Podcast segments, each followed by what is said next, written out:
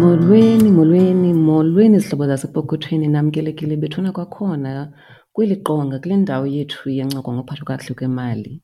Molweni nani zihlobo eziqala ukungena, molweni kakhulu ngokukhethelekileyo. kuni kuba kaloku yinto ethetha uba uyanda lo msebenzi wethu. Yiyo le nto sinamkela ngokukhethekileyo. Molweni nani bethuna nisimamela rhoqo. Yithani zaziva nonke nilonwabele olu suku lwanamhlanje esi siqendu sincokola ngaso. Nikhumbule ke uba sincokola sabelana ngamava apha. Qiniseka ukuba unalo ulwazi. phambi koba wenze isigqibo esiza kwenza into yoba ukhuphe imali epokothini yakho. Ngoba kaloku kuye kufuneke ngamanye amaxesha uthethe nabantu abaqeqeshiweyo abanolwazi lwezinto zakho, lwezakho iinkcukacha, baziphicothe iimeko zakho bejongene nazo phambi kwakho. ngoba kaloku thina asinazo ezi nkcukacha zakho, asikwazi ukuziphicotha. Okwesibini, bethuna le ncoko ayibhatalelwa ngabaqeshi bethu kwaye ayikho imali ehlawuliswayo ngokuba usimamele apha. Incoko yethu yanamhlanje ke manditsho into yokubana izawube ikwiilwimi ezigqityiweyo zavangwa kuba udwendwe lethu aluthethi siXhosa esi sisithethayo qho. Nawukhumbula ke uba kumaxesha adlulileyo sikhe sathi sawuthetha iXhoglish. Namhlanje sawuthetha iXhoglish exutywe nesiZulu kuba udwendwe lethu luthetha isiZulu ekhaya, i-home language. Udwendwe lethu namhlanje nguDoctor Nomalungelo Nyathi ozalwe intombi yakwaNcala. um ngugqirha yena bethuna um njengoba besenditshilo uba uthetha isilungu um unayo imbishimbishi M_B_C_H_C_B okanye iBachelor of Medicine and uh, Bachelor of Surgery kwaye unayo iminyaka esebenza kakhulu kumaziko oluntu um ngakumbi eKapa. Kodwa ndiyafuna ukuyitsho into yokubana kule mihla akasaxilongi abagulayo kodwa ubhexesha inkampani yeenkonzo ezithile bucala kwalapha kwezempilo. Eh isihloko sethu namhlanje azawuncokola nathi ngaso kukubana iindleko zempilo okanye ezi zinto siye sizicinge xa sicinga uba sizawubhatalela iinkonzo zempilo, wena medical aid, wena medical insurance.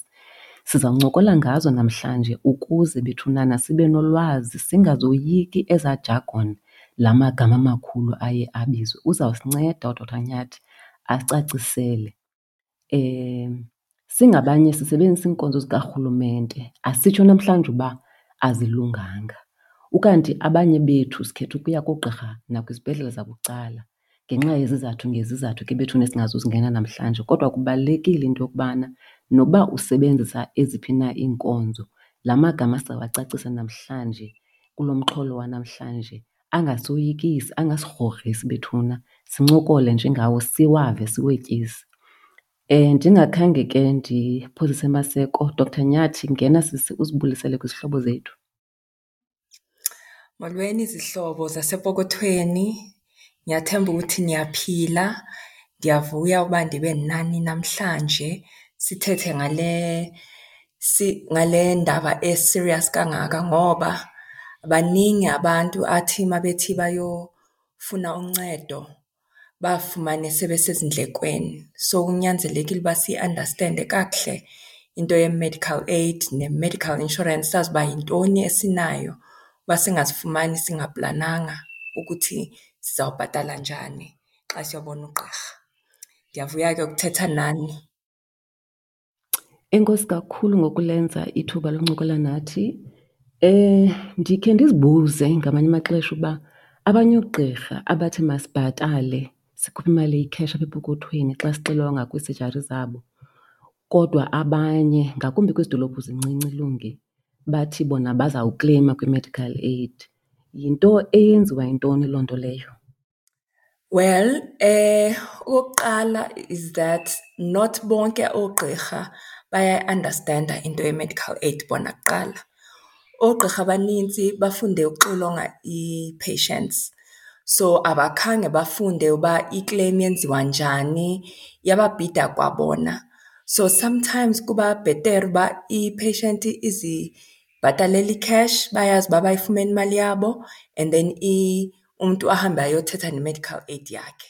So oogqirha abanintsi ingxaki yileyo is that abafuni uba bamane belwa ne-medical aid okanye i-medical aid if ingabhatalanga imali yonke epheleleyo abayikleyimile. Ngoku fanele bamane belwisana ne-patient bathi sifuna imali yethu, i-medical aid yakho ayibhatalanga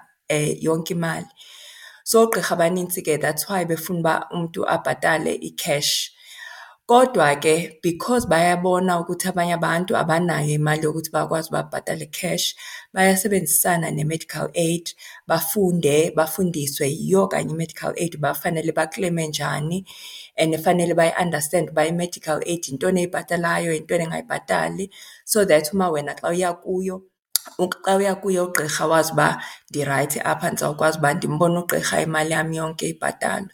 Abanye oogqirha bayabhala apha efestileni zabo uba mna ndisebenza noBonitas, mna ndisebenza noGEMS, mna ndisebenza noDiscovery.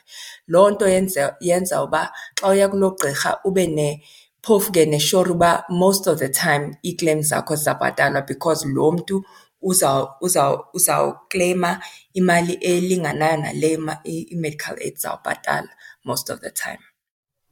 Okay, ndifuna ukuza ke ndixwayise ndilumkise izihlobo sisamamele uba uze uyazi into yobana samane senza imizekelo njengoba ugqirha egqibotshwa uDr Nyathi. Samane sisithi mhlawumbi uBonitas, mhlawumbi uDiscovery, mhlawumbi uGems. Uze uyazi kodwa uba asithethi ngabo ngqo kuba kaloku um funeka senze imizekelo. Asithethi ngoba kaloku zinee-options, andithi kwalapha kuzo uGems xa ndikuGems mhlawumbi mna okanye noba kuDiscovery, andithi Doctor Ncala wena Doctor Nyathi, akufanwa. SingakuDiscovery sobabini, singakuGems sobabini. kodwa ufumanisa uba sikwi-options ezohlukileyo andithi ihamba njalo ewe ewe ewe eh ewe ba ihamba njalo ukuthi omnye omnye umuntu kwenye i-option omnye kwenye option and ezo options azikhavarishi yonke into efanayo ngafumana uba enye option ayibhataleli ezinye i-chronic diseases enye option iyazibhatalela eh so azifani i-options nyanisini Enye into endikhe ndizibuze yona yinto yoba yintoni eyenza ingabi bo bonke oogqirha abakhupha amayeza phaa esejari. Ufumanise uba omnye uza kunika onke amayeza xa ekuxilongile i-prescription akunike phaa kuye. Omnye akunike iphepha athi lunge hamba uyozithengela ekhemesti. Yenziwa yinto, yenziwa yintoni loo nto leyo? So xa ugqiba ufunda ungugqirha ufumana isatifiketi sokuthi ungugqirha ongakwazi uxilonga ii-patients, uyakwazi uba ukleyime ke for loo nto. Abanye oogqirha kufanele bafunde extra uba ufumane elinye iphepha lokuthi ukwazi ukukhupha amayeza. Amayeza akhutshwa anee-laws zawo, indlela ofanele uwanakekele ngawo amayeza lawo. nokuthi fanele wazi uba asetshenziswa njani, uwagcina kanjani. So ama-pharmacies, iikhemesti ziyatreyinwa nabo uba benze loo msebenzi. So ugqirha uma uma engazange afumane ke loo extra qualification yokuba akwazi ukukhupha amayeza akakwazi ukukunika amayeza. Fanele akubhalele i-prescription uhambe ke uye ekhemesti uyofumana lawo mayeza kumntu one-qualification yokukunika amayeza. Mm, nkosi yam ayipheli mos imfundo kucacile uba kaloku sithi thina xa xa ninembishimbishi nigqibile senje uba inkulu kwayiloo nto siyanihlonipha thina ngalaa mbishimbishi ngoku xa sithi ufuna phinde nikwanini phinde niyofumana amanye amaphepha bendingayazi hayi bendingayazi shem. Hayi, imfundo ayipheli, imfundo ayipheli. Abanye, abanye oogqirha badisayidayo uba xa segqibile ufunda ufuna uba aspeshelayize abhekane nabantwana. Omnye aspeshelayize uba akwazi ukudilivara abantwana kwi-pregnant women, omnye ufuna usebenzisa nentliziyo. So ayifani, sonke siyafundiswa yonke into e-general but uba ufuna ukuba yi-specialist fanele uphinde ubuyele esikolweni four years yonke. Kule nto ubukhe wayithetha yechronic ukhe wamenshini elaa gama lechronic um mm. eh, yenziwa yintoni obezinye izifo kuthiwe yi-chronic zokwenzela umzekelo abantu abaninzi abangoomama okanye abantu ababhinqileyo banezifo ndizokwenza umzekelo nge-endometriosis wena ke sihlobo uzawuhamba uyogugulisha ne ngoba i-endometriosis igama laso akabikho kwesintu Kufumaniseke into yobana mhlawumbi bayohlinzwa, bayokwenza i-operation, babuye kulaa operation banikwe ezi pilisi kuthiwa zii-progestins. Kuthiwe hlala kuzo ezaa pilisi ubomi bakho bonke de ube uzawuyekiswa ukuba ufuna uba nomntana. Ngoku ke ngoku ziyadura ezaa pilisi, zibetha phaa koo-four hundred and nto. and ke ngoku noba une-medical aid ufumaniseka into yobana ikhawuleze iphele ngenxa yezaa pilisi uzifumanayo. Uthi xa uyocela kugqirha uthi ucela undibhalele ndicela uba ibe ndiyifumane pha kwi-chronic ukwenzela ibe ingazuphuma kwi-savings yam. Ugqirha angavumi novuma uba uyayazi uba mhlawumbi kwixesha elidlulileyo ebekhe wacela kwii-patients ezinintsi ii-medical aid azavuma. Ngoku ngubani owenza umthetho olungileyo wokuba le yona esi sona sifo yi-chronic, esi sona ayisiso. Futhi mhlawumbi yintoni mhlawumbi esingayenza siluluntu uba sifile into yobana mhlawumbi thina njengabantu ababhinqileyo esi sifo se-endometriosis si-prevalent okanye sivamile ebantwini. Kho sicacisele kule nto ye-chronic uba ngubani othi esi sifo si-chronic, esi asikho-chronic. Okay, i-chronic icacisa ukuthi yisifo ozoba naso kokoko. That means uba fanele usele iipilisi kokoko, i-chronic i-chronic medication that's what it means. Kodwa. Ii-medical aids azikhavareshi zonke izifo eziyi-chronic. Ziyadisayida uba zeziphi izifo ezizawuzibhatala under chronic, zeziphi izifo ezingazuzibhatala over kwi-chronic. Kukho izifo eziyi-twenty-seven ezibhalwe ngurhulumeni ziyi-prescribed minimum benefits sawuthetha ngazo ke phofu mhlawumbe ndicacise later but kukho izifo eziyi-twenty-seven ekunyanzelekile uba zonke ii-medical aids zizikhavarishe izinto ezifana neswekile ne-cholesterol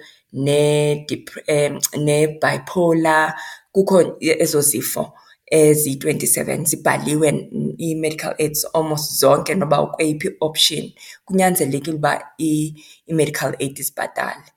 Then phezu kwezo kukho ii-options ke ngee-options ziyahluka. So xa uya kwi-higher options ufumane uba baya-eda ezinye ii-chronic conditions ezizawuzibhatala.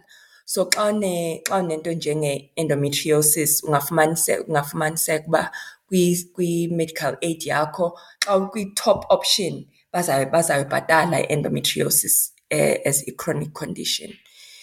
Kodwa ke eh kuyaziwa ukuthi um zonke ii-medical aid ziyakwazi uba zifumane ii-letters koogqirha ezitshoyo uba lo mntu because of le nto nale nto nale nto kunyanzelekile uba sisebenzise ezi pilisi ngoba senza loo nalo nalo. And and then i-medical aid ke ikwazi uba ikuphe ke wena uba esakho isifo si-special ngale ndlela esi-special ngayo uba ukwazi uyifumana kwi-chronic. But ke eh basically kukho izifo eziyi-twenty-seven kunyanzelekile uba abantu eh, ii-medical aids zibhatale under i-chronic and then ke zonke ii-medical aid ziya-edisha ke ezinye Ixhomekeke kwi-option okuyo uba zeziphi ezi edishiweyo. So uba ndikuva kakuhle ezi ziyi-twenty-seven kuthiwa zii-prescribed minimum benefits zona kugqityiwe ngumntu wonke, ngurhulumente nee-medical aid sebevumile uba at least i-minimum. yezifo ezizobalwa kwezi kuthiwa mm. zonke ii-medical aid funeka zizibhatalele saphinde siye mm. ke kwi-medical rate u-hundred percent or-two hundred bathetha ukuthini loo nto but ezi ziyi-twenty-seven zona fanuba uninzi lwe-medical aid kuvunyelwe norhulumente wazibhala wathi fanuba ezini zibhatalele izigulo ndididukve kakuhle Ewe, zibhatalele amayeza ezo zigulo and then on top of that then bayabhatala ke nama-consultations noogqirha and then babhatale ne-hospitalization. Kukho ezinye ezinye ezinye izifo ukwazi uba uye esibhedlela for sona like le endometriosis othetha ngayo i-medical aid zawubhatala uba uyokwenza loo operation but amayeza aloo endometriosis abanyanzelekanga uba bakunike under i-chronic. Ikhona i-degree ikhona i-degree ye-medical products ilungi okanye ngoba ndikhe ndizifunde ezi zinto ndiqonde uba heyi hayi apha andiva noba kuthiwani. Senditsho umntu uyenza kanjani uba aziandastende maan ngoba noba uyikhethile loo option ukuyo iske ibe ngathi ziyabhida. Uqonda uba into ubucinga uba mm. fanuba ikhavarishiwe kanti ayikhavarishwanga like umntu wenza kanjani uba mm. azi-understand ibe yodwa ke ngoko yecodes i-i c d ten codes uqonda uba yho ingathi sisigrike esisithethwa apha mm. Oh wethu yininzi into ye-medical aids i mean i-a eh, law of its own ye-medical aids nje ethetha uba i-medical aids kufanele zisebenze njani zii-pages nee-pages eziyi-four hundred abantu fanele sizifunde uba si-andastende ukuthi yintoni evunyelwa uba i-medical aid iyenze ingayenzi. Kodwa ke almost zonke ii-medical aids zine-brokers phofu ezingakuncedisa uba uandastende eyakho i-medical aid uba zeziphi izifo abazikhokhelayo, abazikhokhelayo, ngawaphi amayeza abawakhavarishayo . mangaki ama-consultations abawabhatalayo zeziphi izinto abazibhatala ku-chronic zeziphi izinto abazibhatala xa ungekho sesibhedlela zeziphi izinto abazibhatala xa usesibhedlela so ungakwazi uba uthethe nebroker yakho uba icacisele ukuthi kahle kahle kwenzakalani kweyakho i-medical aid before uba uyikhethe So ke ngoku ndiyayazi uba njengoba siqale nje ukuncokola sithetha nge-medical aid kodwa omnye umntu uye afumaniseke into yobana athi yazi i-medical aid ndiyarhalela uba nayo into nayo ayifikeleleki. But ke ngoku abone mhlawumbi i-advert okanye etivini kuthethwa ngento efana ne-hospital plan okanye athi kuthethwa nge-medical insurance. um ibe mm. ngathi yona itshiphunyana but mm. umntu angayazi uba yohluka njani kwi-medical mm. aid khawukuthi chu mm. sisi uzame ukuqala mhlawumbi masiqale nge-hospital plan usicacisele uba mm. xa ujonge i-hospital plan ujonga into eluhlobo luni like what kind of a thing is, is, is hospital plan nje I-hospital plan ayiyo-medical aid definitely. I-hospital plan isa-insurance. Into eyenza i-hospital plan ithi uba ngabe usesibhedlela iza kubhatala imali engaka every day xa usesibhedlela. so that isapplimente ukuthi awusebenzi so isa income protection so i-hospital plan ithi and ke nayo ke ine-rules zayo ezininzi ezinye ezinye i-hospital plan zithi only if usesibhedlela for more than five days izawubhatala but ibhatala wena um imali e, e, etshiwoyo e, imali engaka eh per day usesibhedlela so asithi usesibhedlela for 14 days um and asithi ke mhlambe eyakho medical aid eyakho hospital plan sorry iza kubhatala from day 1 so uthi xa usesibhedlela i-14 days izawukunikeza asithi ke lo 200 sendiyatsho ke phofu most of them isinika more than i-200 ikubhatale 200 every day usesibhedlela so that ukwazi uba unakekela ifemeli yakho ungayisebenzisa loo mali nanoba yintoni, ikunikeza wena imali yakho directly in your bank account. So ayibhatali ii-bills ze-medical aid. Okanye ezesibhedlele, ayibhatali izibhedlele okanye? Ezesibhedlele ayibhatali izibhedlele, ibhatala wena uba usesibhedlela awukwazi uba uphangele. Then i-medical insurance yona? I-medical insurance yona izama phofu ke ukwenza le nto ithethile ukuthi uba ngabe awufinyeleli uba ubhatale i-medical aid, ikwazi uba uba ngathi ugcina imali phofu ukuthi xa usengxakini ukwazi uba ibhatale. Most of ii-medical insurance zikhavarisha, ziphantse zifane ne-savings, zikhavarisha i-treatment koogqirha, amayeza amayeza ii-dentists ezinye most of the time zizo zizo-acute xa xa unengxaki ngoku uba fanele uye kugqirha uye uyakwazi uba uye kugqirha and then babhatale ugqirha. i-medical insurance, iyakwazi ubhatala ugqirha. Most of them ayibhatali i-chronic, so xa unesifo uba kufanele ufumane njengeswekile uba kufanele ufumane amayeza every month, most of ii-medical insurance aziyibhatali loo nto. Ibhatala, uyaqonda uba ziyakuxelela uba ii-consultations phofu eziyi-five okanye amayeza for i-three hundred rand. um okanye i-dentist for i-seven hundred rand, iyacacisa uba ibhatala imali engaka. Um ezinye ii-medical insurance ziyabhatala for i-hospital, zimbalwa ezibhatalayo for i-hospital uba xa usesibhedlela zibhatale uba usesibhedlela. Uba ngabe i-medical insurance yakho iyabhatala uba uma usesibhedlela kwi-private hospital, most of them iyatsho uba sibhatala i-two hundred thousand qha. Ayifani ne-medical aid, i-medical aid most of i-medical aid xa usesibhedlela siyakwazi uba ubhatale until uphume esibhedlele. So umahluko is that. i-medical insurance i-ekspleyina exactly uba ibhatala imali engakanani and most of izinto ezi-chronic nezinto zesibhedlela i-medical insurance aziyibhatali. So xa uneswekile uba ufuna iipilisi zakho zeswekile zibhatalwe every month, i-medical insurance most of the time ayizukwazi ukunceda. Mm. So into endiyivayo yinto yobana because bendizikhonfyuza mna bendicinga uba i-hospital plan ibhatale kweso sibhedlele ulele kuso ayibhatali mm-hmm. wena apha epokothweni bendicinga uba mna yi-medical insurance ebhatalela wena apha epokothweni ubone ke wena ukuba wenza ntoni ngaloo mali leyo so kutsho ukuthi mm-hmm. funeka umntu ayi-andastande ayazi kakuhle ibrosha yale nto ayikhethayo adabukhe watsho wathi uba usebenzisa ibroker qiniseka uba ngumntu osaziyo isitori sakho uzokucacisela. Ngoba funeka uzazi uba ungazifanisi nomnye umntu mhlawumbi uba nyhani ndineswekile mna ndizifanise nomntu ongena-chronic or ongenazifo eza oko oko njengoba ubutshilo. In fact into ebalulekileyo uyaqonda, uyabona i-medical insurance ibizama ukuthi incedise abantu abaphangelayo um abaphangelayo abarholi imali eninzi and abakwazi uba ba-afode ukuthi bayohlala eklinikhi balinde imini yonke.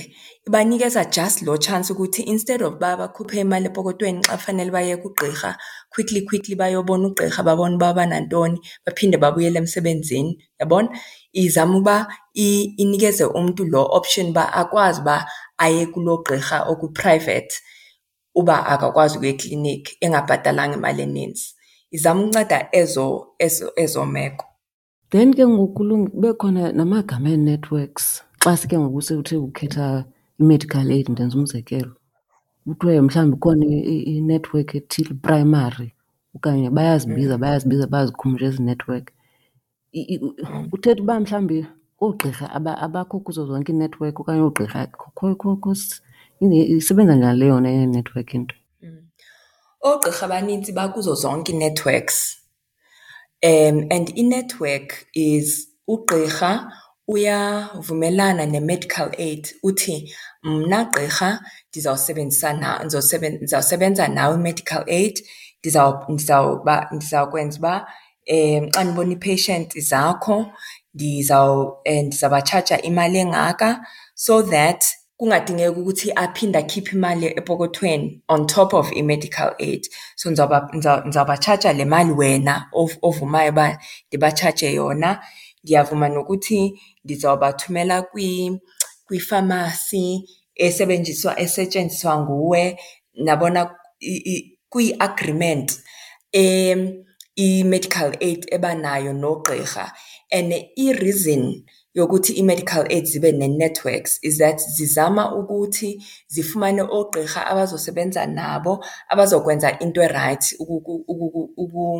ukukleyima imali erayithi engazukukhuphisa umntu imali epokotweni, bazawukwenza sure uba bayaxilonga kakuhle, bazawukwenza sure uba bayavuma ukuthi i-medical aid itshekhe ukuthi benza into erayithi, izinto ezinjalo.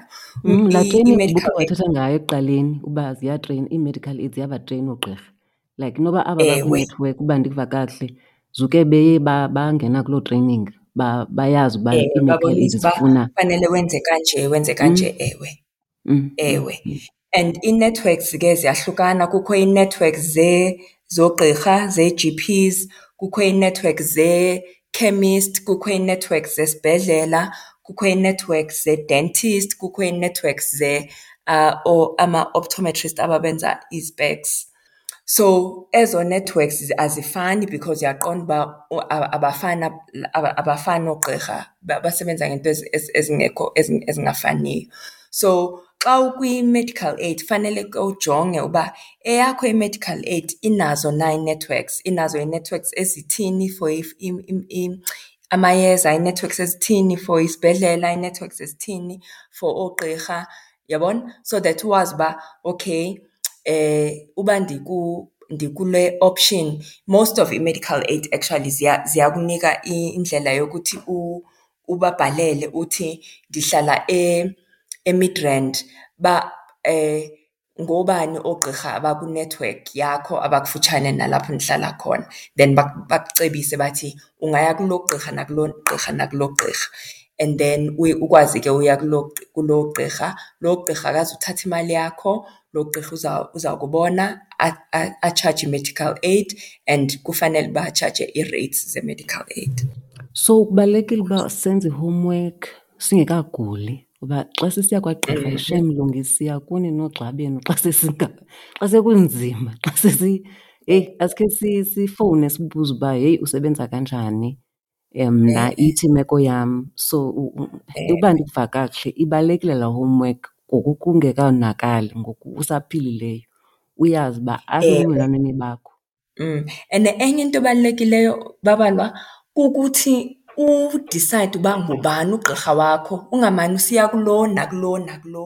Iyanceda loo nto because it means uba ugqirha wakho uyayazi i-situation yakho, uyazazi zonke izigulo zakho, uyayazi uba i-medical aid yakho isebenza njani. Ninale relationship ekuncedayo ukuthi akutrite kakuhle. So if uyayazi uba ndikule medical aid ndizawujonga uba ngoba noogqirha abakufutshane nam abasebenza ne-medical aid yam ndimane ndivele ndiye kulo gqirha bendikuye before ndithi ndicela undinike zonke iinto zam ndifuna ukuya kulo gqirha omtsha. Uye kulo gqirha omtsha kube nguye ke osebenza naye kokoko. Iyanceda loo nto. yenza sure uba iinto zakho ugqirha ukunakekela kakuhle wazi zonke izigulo zakho angamane etshintshe akutshintshe kulo kule yeza akususe kule akuyise kule nto because engayazi uba yintoni ogula ngayo siyaboyika nje oogqirha lonke siyoyika uba mhlawumbi lo uyaqonda ufumanisa uba mhlawumbi khona lo athi uanti wam urayithi Ngoku ke ngoku mm. mna ndibe kulo abantu abaninzi abangamrekhomendiyo. Ngoku ndza mm. like uh, ndiyoyika uba ngondifike sendithi hayi ngoku ndiya kulo wani okanye mhlawumbi mna eyam i-medical aid ayindivumeli. Ikhona laa nto yoba woyike mm, ukuzithethelela kugqirha. Ndiyayiva loo ndiyayiva loo nto kodwa ke njengoba njengoba kukho nale show yeepokothweni izama usincedisa uba uyazi uba impilo yakho ngeyakho so wena uyakwazi uzikhethela uba ufuna kuya komphi ugqirha uyakwazi nokuthetha nogqirha wakho umxelela uba i-information yam ekuwe ngeyam Ndiyacela ndicela ubona ii-results zam, ndicela ukubona i-X-ray yam uba ndiyafuna ukusuka apha ndiye phaa. Okanye undixelele uba ndikule medical aid ke mna, ndiyakucela ke ucinge uba ungene kule medical aid so that ndikwazi uba ndiqhubekeke nawe. Andifuni utshintsha but ke uba awukho kule kule kule medical aid kunzima uba ndiqhubekeke nawe uba andifuni ubhatala. imali esepokothweni ndiyayibhatala i-medical aid. Kunyanzelekile uba sizazi maan uba le mpilo zethu siyakwazi uba sizenzele ii-decisions. Phofu ke asiyazi i-medical, asinazo ii-medical degree, ugqirha asikwazi uba sizixilonge. But uba sidisayida uba siya kubani, sifuna usebenza njani, imali yethu ufuna ukuyikhupha njani, siyakwazi uba sizinike i-information. Nale yokumamela epokothweni isinceda, isincedisa ngaloo nto. ukuthi sizazi ukuthi yini engingayenza yini engingakwazi ukuyenza yabo so kule nto yenetwork cela ukubuyela because okay ke ndihlala emidrand mm. ngoku naba ke mm. oogqirha nezibhedlele ezikhoyo apha mm. ke ngoku ke ngoku ndikule medical aid insurance or yintoni kananyani hospital plan ndingapha epolokwane ndigodukile ufumanise ukuba mm. ndikwi-car accident phaa ngoku mm. andiyazi uba iiambulance izofika phaa izofika indithathe ndise kwisibhedlele esikwinetwork na okanye singekhoyo so mm. ngoku like ayindibeki in danger loo nto leyo esichengeni uba le nto yenetwork okanye zonke izibhedlele noba sesiphi siyakwazi uba umntu simsimamise like abe stable then ke usijonge uba ithini into yakho Ewe, ziyakwazi ukwenza njalo. In fact i-government yatsho uba i-emergency, xa une-emergency ii-rules zee-networks nantoni azisebenzi ngalo xesha. i-medical aid yakho fanele ibhatale uba ubukwi-emergency khange ukwazi uzikhethela mos um so xa kuyi-emergency njengomzekelo we-car accident i-medical aid inyanzelekile uba ikubhatale ibhatale for loss leso sibhedlela oye kuso. Yho, kodwa ininzi into esingayithetha apha ngoba kusekhona neento ze-tax zobana xa kufika i-tax ngoku kukleynywa kanjani. Kodwa andifuni siyingene, ixesha lethu alisivumeli namhlanje uba singene kuzo zonke iinkcukacha. Kodwa ke phambi koba siyeke uncokola, Lungi, yintoni wena ongathi. ufuna ukusishiya nayo ebalulekileyo kakhulu. Mhlawumbi le ncoko yanamhlanje masiyibone njengentshayelelo okanye i-introduction. Mhlawumbi sizawuphinda sizame xa unethuba okanye omnye koogxa bakho aphinde aze mhlawumbi azongena kwenye i-aspect okanye into engakhange siyifikelele namhlanje. But umntu yintoni amakayithathele ingqalelo okanye sithini isiZulu? yinto ebalulekileyo e, e, mm. ekufuneka uba xa ecinga ngezinto sizithethileyo nge-insurance nge-medical aid nge-hospital plan zeziphi izinto ongathi mhlawumbi zimbini zintathu ongathi umntu funeka athi take note aziqaphele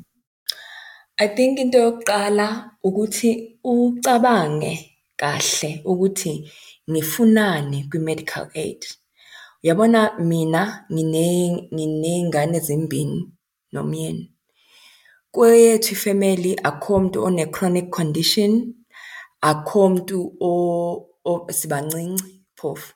So eyethu i-medical aid khange siyikhethe ngokuthi yeyiphi ekhavarisha i-chronic condition kakhulu. Sonke asiboni apha emehlweni, sinxiba izipeksi. So into ebalulekile kuthi kukuthi sifumane i-medical aid ezawukhavarisha isibhedlela nezawusinikeza imali e-enough uba ibhatalele izipeks. So kuyasincedisa uba siyazi uba yintoni esiyinidayo, sikwazi ke ke sifune i-medical aid ezawusinceda for loo nto. Into yokuqala yileyo, yintoni oyifunayo kwi-medical aid so that ungathengi njee.